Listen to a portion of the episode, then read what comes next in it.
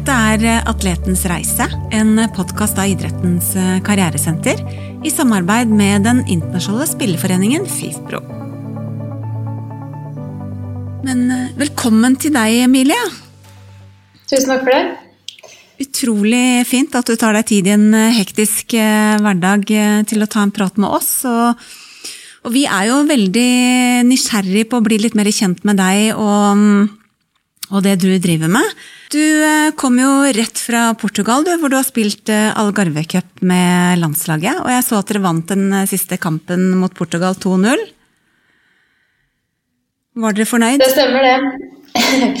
eh, nei, vi har vel Vi føler vel at vi fortsatt har litt å gå på. Eh, men vi har jo vist hvert fall at vi har en stigning gjennom eh, den turneringen. Så det var, det var, fint å avslutte med en seier, men vi føler ikke at vi er helt der vi skal være ennå. Det, det, gjør vi ikke. Nei, ikke sant. For nå kommer det jo spennende EM til sommeren. Um, hva tenker dere hva er, um, hva er målet i, i, EM? Det er jo litt sånn som vi har jobbet med nå, målsetninger. Og vi har jo en, en drøm og et mål om å, å kunne være helt der oppe og, og kjempe om medaljer. Eh, så må vi jo også være realistiske og, og, se at vi har en jobb å gjøre frem til det. Men eh, vi har lyst til å ha et mål som vi kan strekke oss etter, og noe som motiverer oss. Så, så det er jo det er drømmen, det. Ikke sant?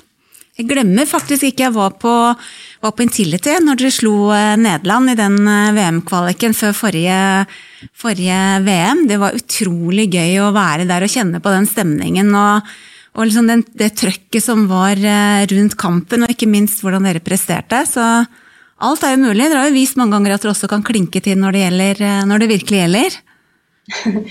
ja, men vi føler kanskje at vi har et litt sånn uforløst potensial i laget akkurat nå. Det er eh, ekstremt mange gode spillere, det er mange unge spillere. og mange spillere som er ute og spiller i de i beste lagene i, i, Europa per nå. sånn at um, potensialet føler vi at er ekstremt stort. Og så mangler vi liksom den siste lille for å knekke koden, sånn at vi føler at det løsner skikkelig på banen sammen nå. Men um, jeg har veldig troa på, på laget. og med litt mer erfaring nå på alle de unge spillerne, så, så tror jeg at det ser veldig lyst ut for fremtiden for landslaget.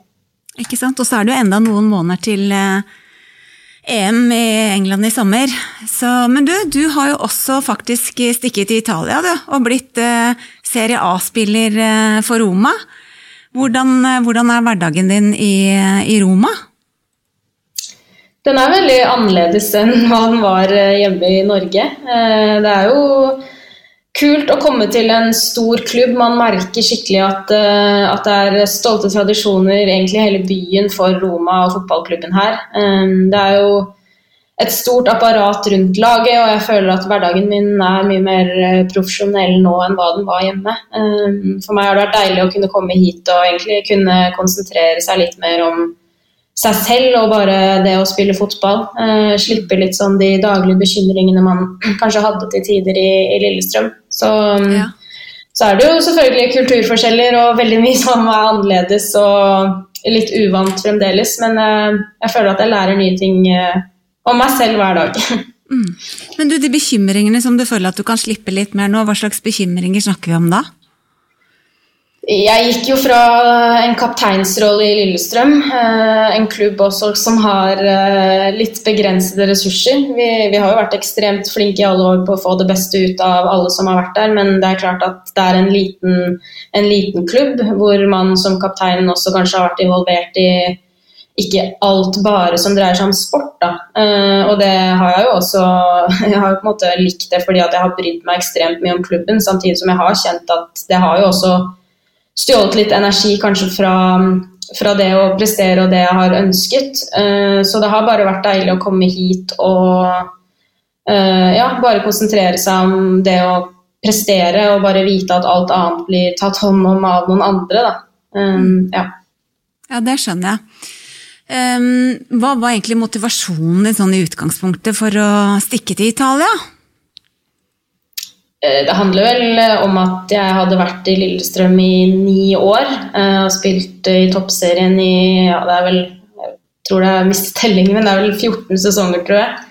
Um, og man begynner jo å kjenne at man kanskje er et sted hvor man, man har ikke liksom mange, mange år igjen på fotballbanen. Så det var jo lysten til å også kunne oppleve noe annet. Um, og jeg tror at jeg hadde angret ekstremt mye hvis jeg ikke grep sjansen nå. Um, så det var jo en litt sånn nå eller aldri-følelse. Og hittil så er jeg veldig glad for at jeg tok den. Ja, ikke sant. Hva er det som gjør at du trives og er glad for at du faktisk tok den avgjørelsen og stakk til Italia? Først og fremst så er det, det er utrolig mange hyggelige folk her. Jeg føler meg veldig godt tatt imot, eh, godt ivaretatt. Eh, og så er det selvfølgelig gøy. Jeg føler at jeg har eh, løsnet på banen, at jeg er, er med å prestere og, og, avgjøre kamper. Og ja, jeg føler liksom at jeg får bidratt med mine kvaliteter egentlig fra start. Da. Og det har jo gitt en god følelse og også gjort at man kan senke skuldrene litt. Så er det et uh, veldig fint land. Det er en, uh, et deilig klima, en nydelig by, uh, som selvfølgelig også gjør hele opplevelsen enda bedre. Mm. Men du, hvordan um, Altså I Norge så skjer det jo mye på kvinnesiden også i fotball. og jeg, jeg opplever jo at det også har blitt en ganske sånn stor profesjonalisering her hjemme. Har det ikke det i forhold til hva det var tidligere? Men hvordan, hvordan er det i Italia? Altså Du sier at du nå er i en klubb med masse ressurser og stolte tradisjoner, og, og sånn, men, men hvordan, hvordan, er liksom, hva er forskjellen mellom å spille eh, i Serie A i Italia og kontra det å spille i toppserien i Norge? Nå er jo ligaen her i Italia veldig sånn på vei frem. Jeg tror det, det, har skjedd mye de siste årene, og jeg tror også det kommer til å skje mye de neste årene. Eh, fra neste år så blir ligaen helprofesjonell som eh, vil gjøre at det stilles eh, en del krav til klubbene som vil heve liksom, standard eh, i forhold til stadioner, garderober og helt sånn, sånne type ting. Um, og så har det skjedd ekstremt mye i Norge også siden jeg ja, Min første sesong i Toppserien var i 2008. Uh, og men jeg tror jo, Man ser jo litt hvilken vei det går, og det er jo at mange av de store herreklubbene ute i Europa også nå begynner å satse på damene. Og det gjør at man har et helt annet apparat fra start da, eh, rundt seg, som jeg tror er veldig gunstig for, eh, for oss damene på mange måter. Eh, det er selvfølgelig rent sportslig i forhold til ressurser, men òg markedsføring og sånne type ting. Det, det, høres kanskje mer attraktivt ut å spille i Roma enn det gjorde å spille i Lillestrøm. Uten at kanskje nødvendigvis nivået er liksom skyhøyt over. Eh, men det har noe med merkevaren å gjøre, da. Eh, Ikke sant? Så det, jeg syns det er utrolig spennende det som uh, man ser er i ferd med å skje. Og så kjenner man at man er litt bitter for at man kanskje er ti år eldre enn det man skulle ønske akkurat nå, når man ser hvordan utviklingen er, da. Du kan få med deg noen gode år nå på slutten, da, hvor du virkelig får kjenne på hvordan det er å være helproff. Og det er jo jammen på tide, syns jeg, at man også trekker til litt på på kvinnesiden. Det, jo, det, har jo vist seg at når dere spiller bra, sånn som når dere spilte forrige VM, så er det jo voldsom, et voldsomt engasjement også rundt, eh, rundt, de kampene. På lik linje egentlig som gutta. Altså, eller kanskje om ikke helt på lik linje, så er det i hvert fall et voldsomt engasjement. Ja, absolutt. Jeg tror nordmenn er jo Man, man elsker liksom mesterskap. Da tror jeg egentlig man, man, heier uavhengig av hva slags idrett det er. Um, og særlig, særlig, den interessen rundt VM i 2019 var jo ekstrem. Og ja, det skal vi sikkert snakke mer om etterpå, men jeg ble jo sittende hjemme en del av det mesterskapet pga. en skade. og da når man fikk eh, bilder av folk som sto i lange lange køer utenfor Kontraskjæret for å se kampene og det livet som liksom var i hele Oslo by pga. VM, det, det syns jeg var helt ekstremt kult. Eh, og det er jo noe man håper at man kan få til eh, i sommer også med, med EM. Da. Mm. Men du, um jeg har jo rett og slett eh, hørt at du er eh, Norges mest vinnende kvinnelige fotballspiller, og faktisk nest mest eh, vinnende totalt sett, både på herre- og damesiden. Så du har jo åpenbart vært med på, på, mye gøy, i tillegg til at du har vært med på en voldsom utvikling. Hva, og Du har sikkert fått det spørsmålet mange ganger før, men hva er, hva er høydepunktet ditt så langt i karrieren? For du er jo ikke ferdig, så, men, men så langt, hva er, hva er høydepunktet ditt? Nei, Du har jo rett i at jeg har fått det spørsmålet mange ganger. Ehm, jeg syns egentlig det er ekstremt vanskelig, eh, nettopp fordi at man har vært så privilegert og opplevd eh, så utrolig mye, egentlig, både med landslaget og, og med forskjellig med klubblaget. Ehm, det første jeg tenker på, er egentlig ikke liksom de titlene og de mesterskapene man har vunnet, men det er jo egentlig den opplevelsen man har hatt sammen med eh, lagvenninner som også etter hvert har blitt noen av mine aller beste venner. Um, det er liksom det fineste jeg sitter igjen med.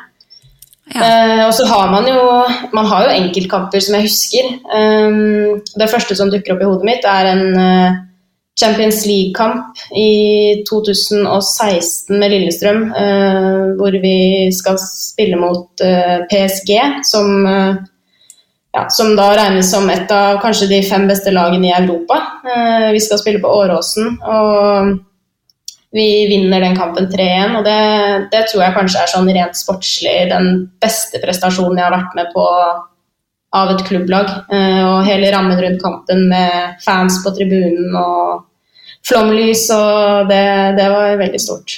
Mm. Og er det, selv om vi snakker om at, at, kvinnefotballen også profesjonaliseres i mye større grad, at det kommer mer penger og, og mer ressurser inn i, inn i, kvinnefotballen, men når du var en del av LSK, Emilie, og dere hadde jo en lang periode hvor dere var helt overlegne alle de andre, det, det, at dere ikke hadde så mye ressurser, selv om jeg skjønner at man ønsker selvfølgelig å ha mye ressurser og kunne ha en helprofesjonell hverdag, men, men det at dere faktisk ikke hadde så mye ressurser gjorde også det Allikevel så presterte dere utrolig bra. Da. Var det også noe, på en måte noe positivt for, for liksom, eh, gruppa? Kanskje litt rart spørsmål, men jeg stiller deg likevel.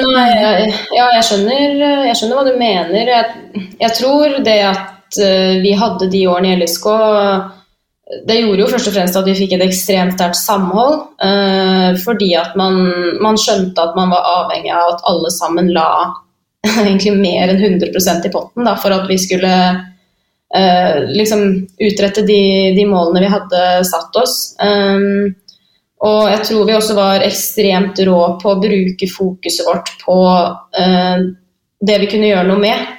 Hvis vi skulle gått og irritert oss over uh, hva herrelaget hadde, eller hva den klubben hadde, eller hva, hvordan de hadde det, så tror jeg liksom eh, Da tror jeg ikke vi hadde prestert det vi gjorde. For jeg tror vi, vi var ekstremt flinke på å få det beste ut av det vi hadde.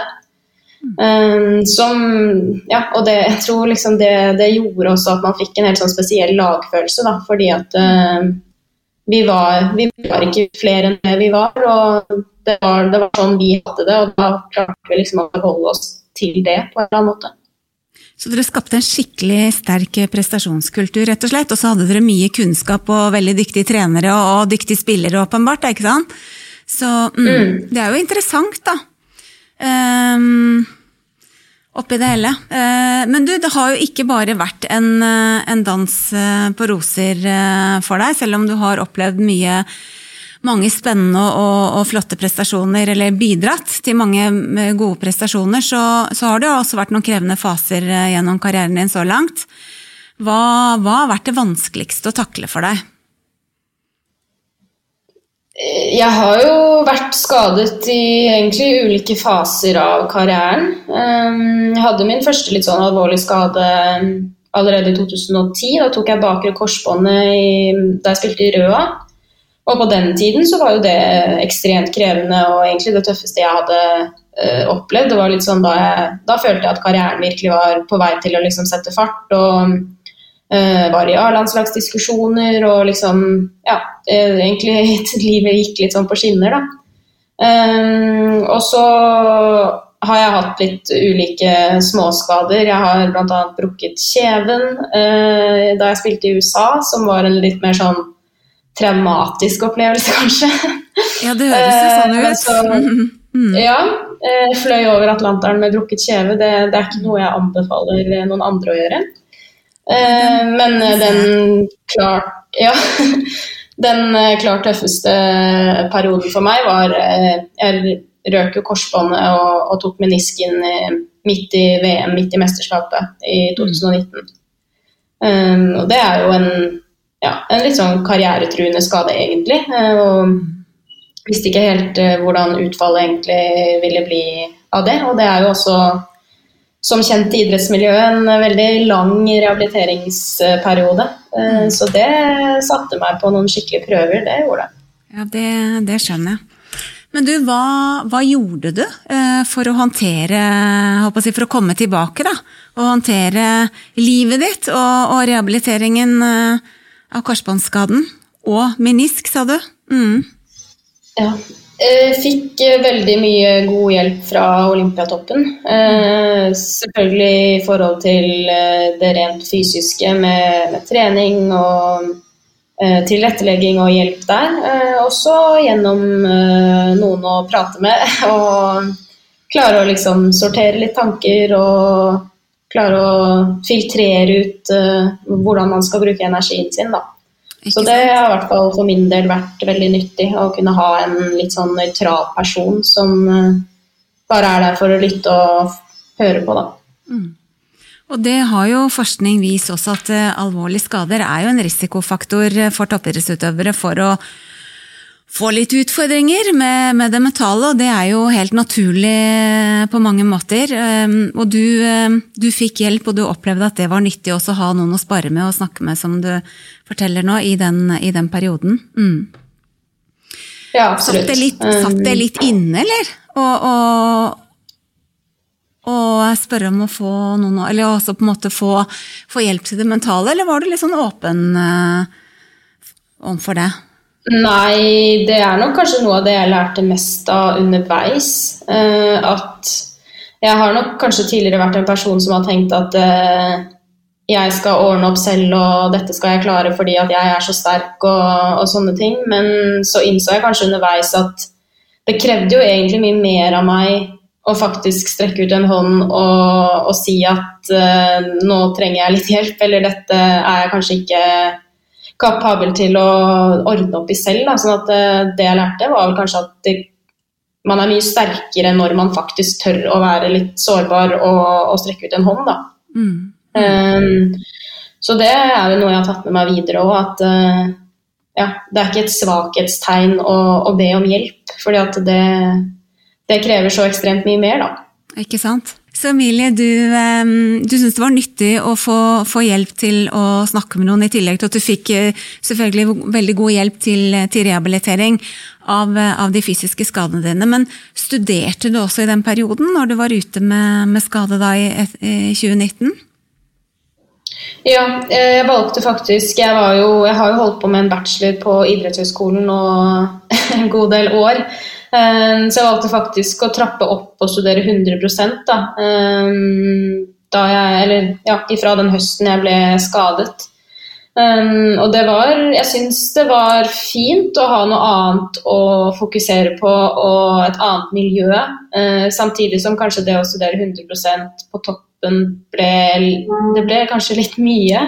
Mm. mm. så utpå høsten i eksamensperioden der, da fikk jeg det ganske tøft, egentlig. Uh, også litt fordi da, det er liksom da alt avgjøres på fotballbanen. Alle de kule kampene kom på rekke og rad. Det var cupfinale og seriefinale og gullfester her og gullfester der. Og da følte man plutselig at man sto veldig på utsiden. Og da, da følte jeg meg veldig annerledes, da, som plutselig var i en eksamensperiode og tilsynelatende egentlig levde et litt sånn vanlig liv. Um, så det ble liksom, de kontrastene gjorde nok at det ble ekstra tøft for min del, da. Men Uh, ja.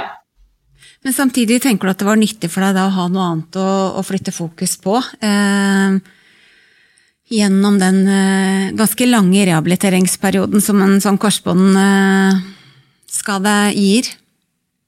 Ja, absolutt. Eh, så jeg er veldig glad for, eh, for, at jeg hadde noe annet. Ellers så tror jeg det hadde blitt veldig ensformig og ja, at man hadde følt seg kanskje ganske ensom. fordi at man går jo fra å være en del av et lag og trene sammen med mange andre hver eneste dag til å plutselig stå helt alene. Da.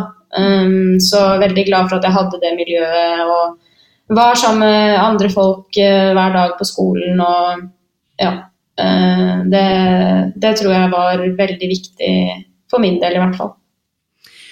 Men du sa at det kunne, du, du valgte jo da å studere 100 og um, at i hvert fall i, eksamensperioden der, som du sa, så ble det kanskje litt, eh, litt mye. Opplever du sånn eh, generelt at mange utøvere som studerer, at de liksom prøver å studere 100 ved siden av, eller opplever du at det er en litt sånn eh, mer fleksibel holdning til at det også kan være smart å, å studere deltid, eller ta enkeltemner, eller redusere på studieprogresjonen, da? Eller redusere studietrykket? Ja, jeg tror det er individuelt. Ehm, jeg opplever nok at egentlig korona har vært utrolig positivt for eh, oss idrettsutøvere med tanke på skole, fordi at uh, alt har blitt digitalisert, og det har gjort det veldig mye mer fleksibelt. Uh, så jeg opplever kanskje at flere har trappet opp studiet underveis nå, fordi at man, man har jo tid, men det er ikke alltid man har tid i de satte tidspunktene som er eh, på, på undervisning, f.eks. Um, så, så, tror jeg det er individuelt. Om noen ønsker å studere fullt, noen ønsker å studere litt. Uh, og så tror jeg det avhenger også litt av hvor uh, flinke skolen er til å tilrettelegge, og hvor behjelpelige de er med å, at man kan få studere på deltid. Um, så jeg tror ja, For min del hadde det nok vært ønskelig å studere på deltid um, egentlig kanskje hele tiden, da. Ja, for du har studert 100 uh fra du starta på den bachelorgraden? Nei, jeg har egentlig gjort litt av alt. Jeg har studert på deltid, jeg har studert uh, fulltid, jeg har hatt permisjon. Uh, men egentlig etter korsbåndskaden, da jeg studerte 100% så kommer man litt i gang og man blir litt sånn i det. Så etter det så har jeg hatt ganske sånn god progresjon. Så nå er planen å levere bachelor til sommeren og endelig være ferdig. Så du skriver faktisk bacheloroppgave nå mens du er i Italia? Ja, det, sånn, det lar seg gjøre med korona. Det, det, er godt jobba, det må jeg si. Altså. Men du, vi veit faktisk ikke hva du studerer. Hva du, du, sa at du studerte på idrettshøyskolen, men hva er det du studerer?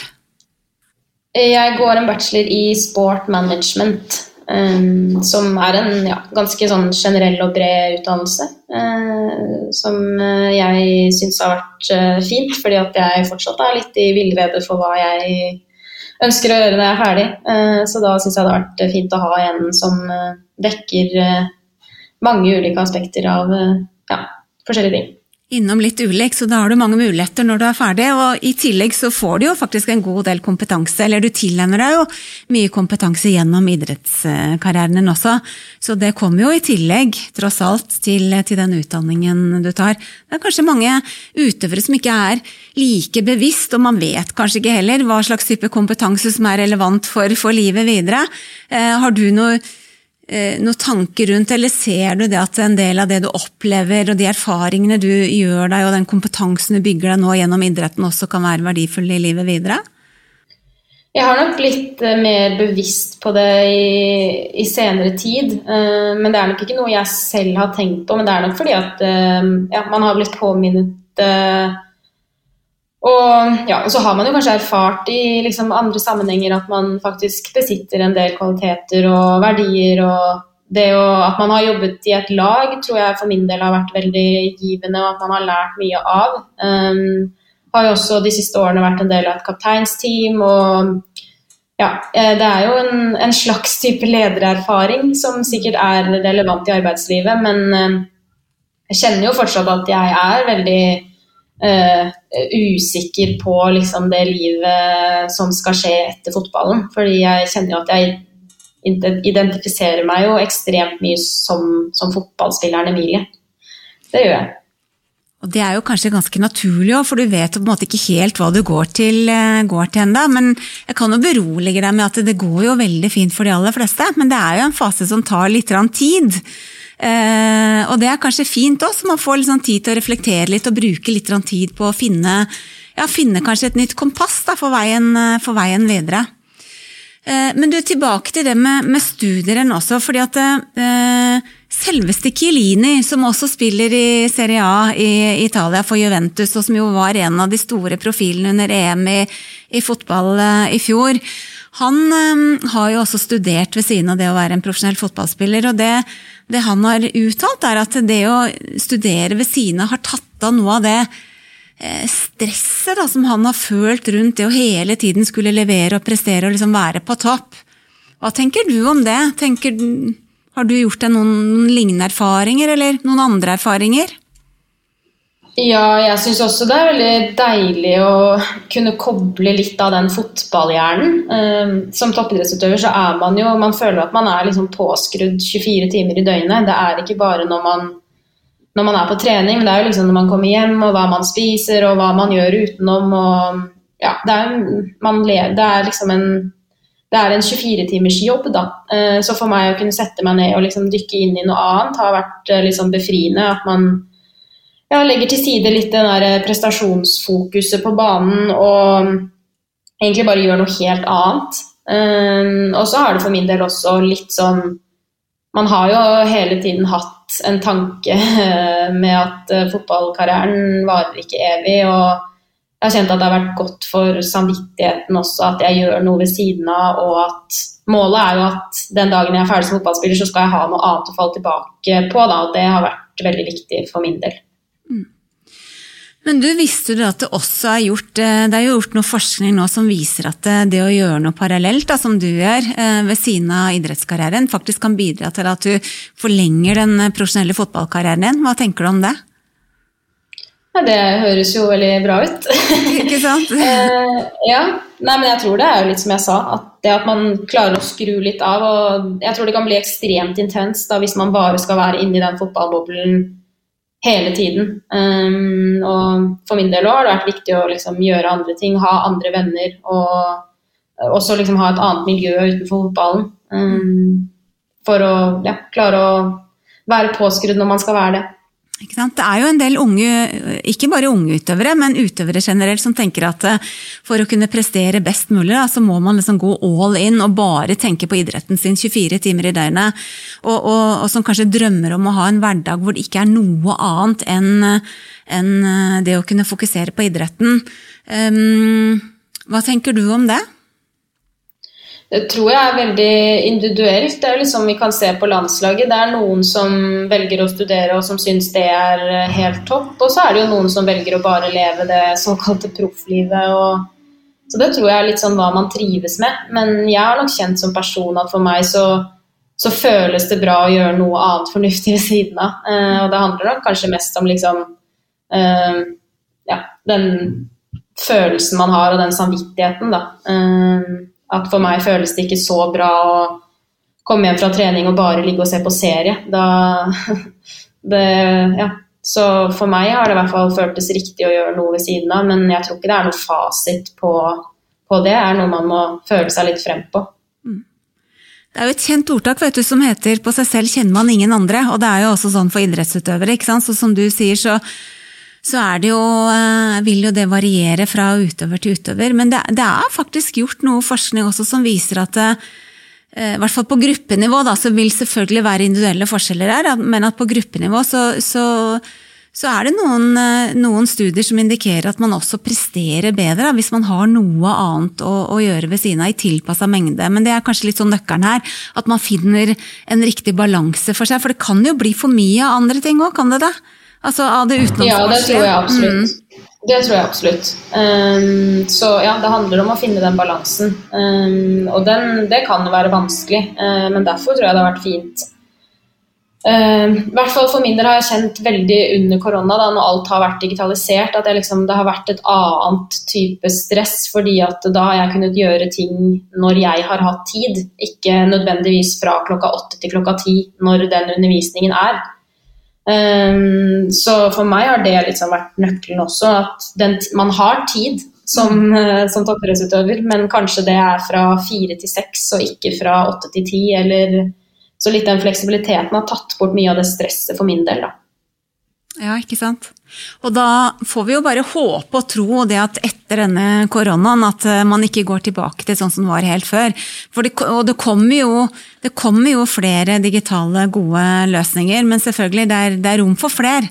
Og det har jo vist seg nå at disse universitetene og høyskolene de har jo kasta seg rundt og hele, gjort alt heldigitalt. Så jeg, jeg, ser det, at det kanskje ikke er tiden det, det skorter på, men at det er den fleksibiliteten til at man kan studere når man faktisk har tid. Og så syns jeg også det er veldig interessant å høre det du sa, at du har liksom studert fulltid, du har studert deltid, du har tatt deg en pause. Og det er kanskje det mange toppidrettsutøvere opplever som ønsker å studere ved siden av, at dette, dette vil variere da, gjennom en karriere, og hvor man er og hva som skjer? Hvor, hva slags studietrykk man, øh, man faktisk øh, har. Men du, jeg blir jo også litt sånn eh, Du har jo for så vidt sagt at du ikke helt vet eh, hva du har lyst til å gjøre den dagen eh, du skal legge fotballskoa på hylla. Men har du i det hele tatt noen tanker eller noen drømmer som du kan dele med oss? Er det noe du er nysgjerrig på? Nei, dette er et stort mysterium for meg, altså. Jeg er veldig usikker. Ehm, så det kunne jeg nok ønske at jeg hadde en litt mer sånn konkret drøm. At jeg liksom bare tenkte at eh, jeg vil bli lege, eller at man hadde et litt sånn konkret yrke. Men jeg har, jeg har ikke det. Ehm, så sånn sett er det jo kanskje bra da, at man er åpen for eh, litt ulike ting. Men eh, jeg syns jo det også gjør, det gjør jo tanken litt skummel. Jeg, er jo en litt sånn trygghetssøkende person og ikke sånn superglad i å ikke ha kontroll og være utenfor komfortsonen. Um, så det øver jeg meg jo litt på her i Italia nå. så det kan kanskje være en fin forberedelse til, til det som venter etterpå, da. Ikke sant? For det er jo en ganske stor endring i livet, det å skulle flytte fra Norge til Italia. I helt ny kultur, som du sier, et språk, eh, en helt ny liga. Så er jo, det er jo en endring, det også. Ja, absolutt. Eh, jeg har jo vært veldig spent på hvordan jeg skulle takle det. og det var jo litt av grunnen til at jeg valgte å dra hit også, nettopp det for å prøve å utfordre meg selv litt. Nå har jeg levd i en relativt trygg hverdag hjemme i, i Norge, i Oslo og i Lillestrøm i, i mange, mange år. Så jeg kjenner at jeg vokser veldig på den opplevelsen og den erfaringen jeg får her nå. Um, og faktisk at jeg takler det litt bedre enn jeg kanskje hadde trodd, så det er veldig godt å kjenne på. Uh, at jeg kanskje er mer tilpasningsdyktig og litt mer åpen enn hva jeg hadde trodd. Um, så det, det gir meg en bra følelse. Og ikke bare det, vet du, Millie, men det er jo også veldig kompetansebygging, som sagt. ikke sant? Én ting er at du, du, øver på å takle endring, og at du kanskje er litt mer tilpasningsdyktig enn det du tror, men det er jo absolutt også kompetansebygging. Og hvis det kan være noe beroligende, så er det utrolig mange spennende muligheter i dagens uh, arbeidsliv, både inn, i idretten og, og utafor. Og det er jo ikke noe tvil om at med din uh, med din bakgrunn fra idretten, um, og det at du også nå bygger kompetanse, tar utdanning osv., så, videre, så vil du være attraktiv på arbeidsmarkedet. Så jeg tipper at det blir mange spennende muligheter for deg, men så handler det også selvfølgelig om å finne litt ut av hva du vil, og det er jo kanskje også en prosess, ikke sant, som du kommer til å bruke litt tid på. Mm, absolutt. Nei, jeg, jeg, er helt sikker på at det finnes noe der ute, men det er litt det at man man vet jo ikke helt hva som uh, finnes heller. Um, så det syns jeg jo kan være litt uh, utfordrende. Um, men så er det vel òg litt sånn at man må prøve å feile litt, og det er jo mest sannsynlig ikke den første jobben som kanskje er drømmejobben. Så det, det ordner seg vel. Det, det gjør vel det. Jeg merker at når jeg prater med deg, så er jeg veldig trua på at dette kommer til å gå veldig bra.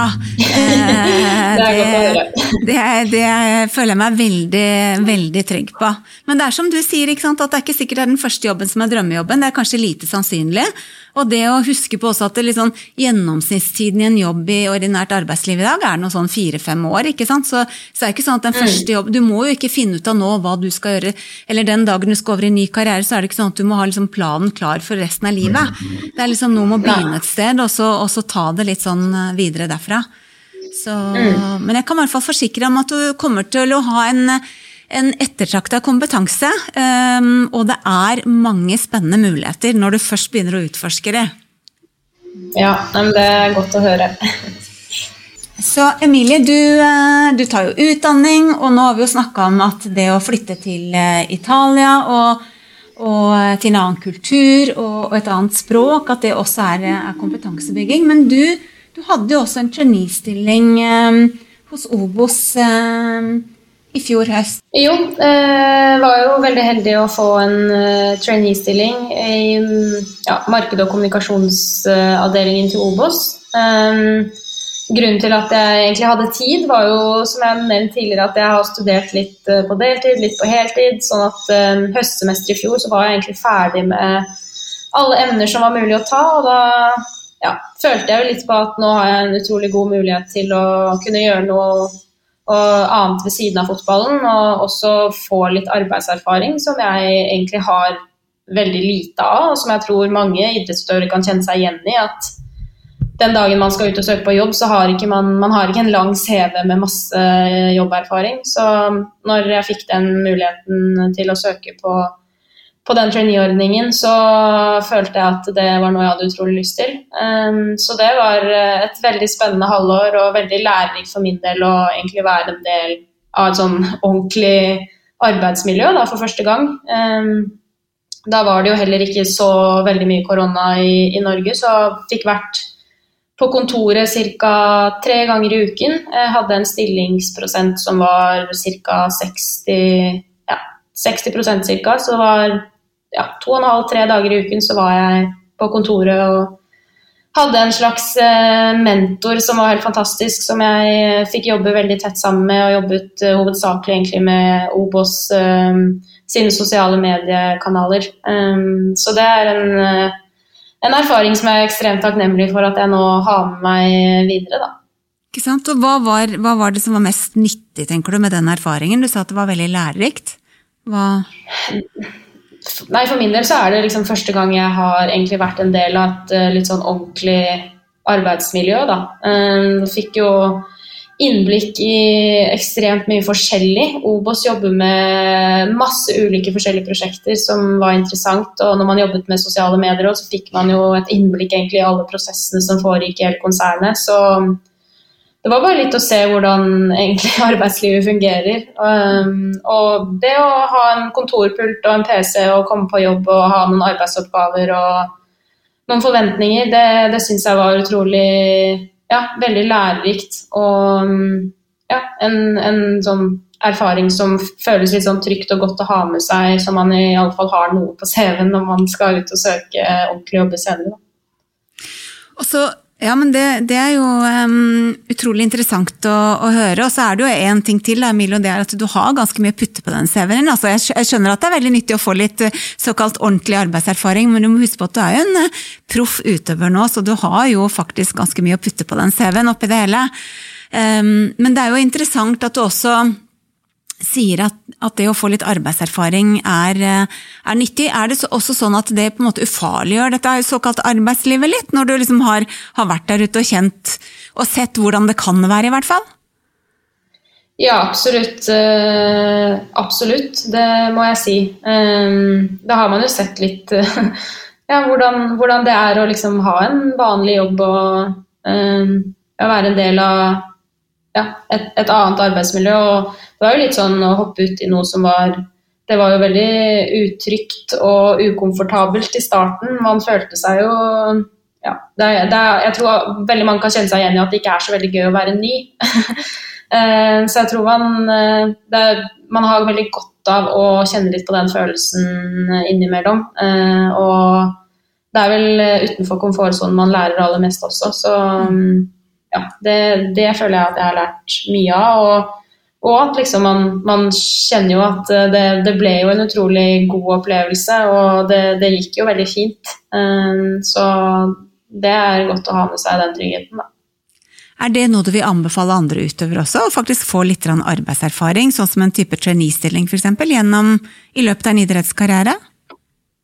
hvis man har muligheten til det, så er jo det helt uh, perfekt, syns jeg. Um, og så er det jo liksom utfordringen at det kan være vanskelig å få til. Men nå ja, er i hvert fall vi i toppserien ekstremt heldige som har fått den trainee-ordningen som, som, gjør det mulig. og Obos var, det var så ekstremt tilrettelagt, og jeg følte fortsatt at jeg kunne satse 100% på idretten og gjøre alt jeg kunne og alt som krevdes for å prestere der, samtidig som jeg hadde det på si da, og kunne bruke den tiden jeg hadde til overs, eller når det passet meg. Uh, så, så, det at den fleksibiliteten var så, så, bra, at det var så godt tilrettelagt, det var jo helt avgjørende for at det i det hele tatt var mulig for meg. Um, Så hvis man får muligheten til det, så er det noe jeg anbefaler uh, veldig sterkt. Mm.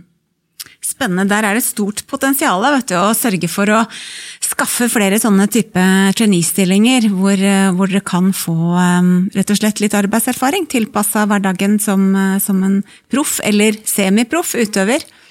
Men du, jeg tror vi skal begynne å avslutte der. Og det har vært utrolig hyggelig å ta en prat med deg.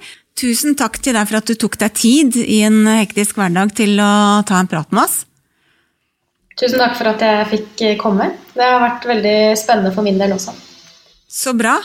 Og så ønsker vi deg selvfølgelig masse lykke til videre i Italia, og ikke minst i EM i England til sommeren. Tusen takk for det. Det, det gleder jeg meg også veldig til. Dette er Atletens reise, en podkast av Idrettens karrieresenter i samarbeid med den internasjonale spilleforeningen FIFPro.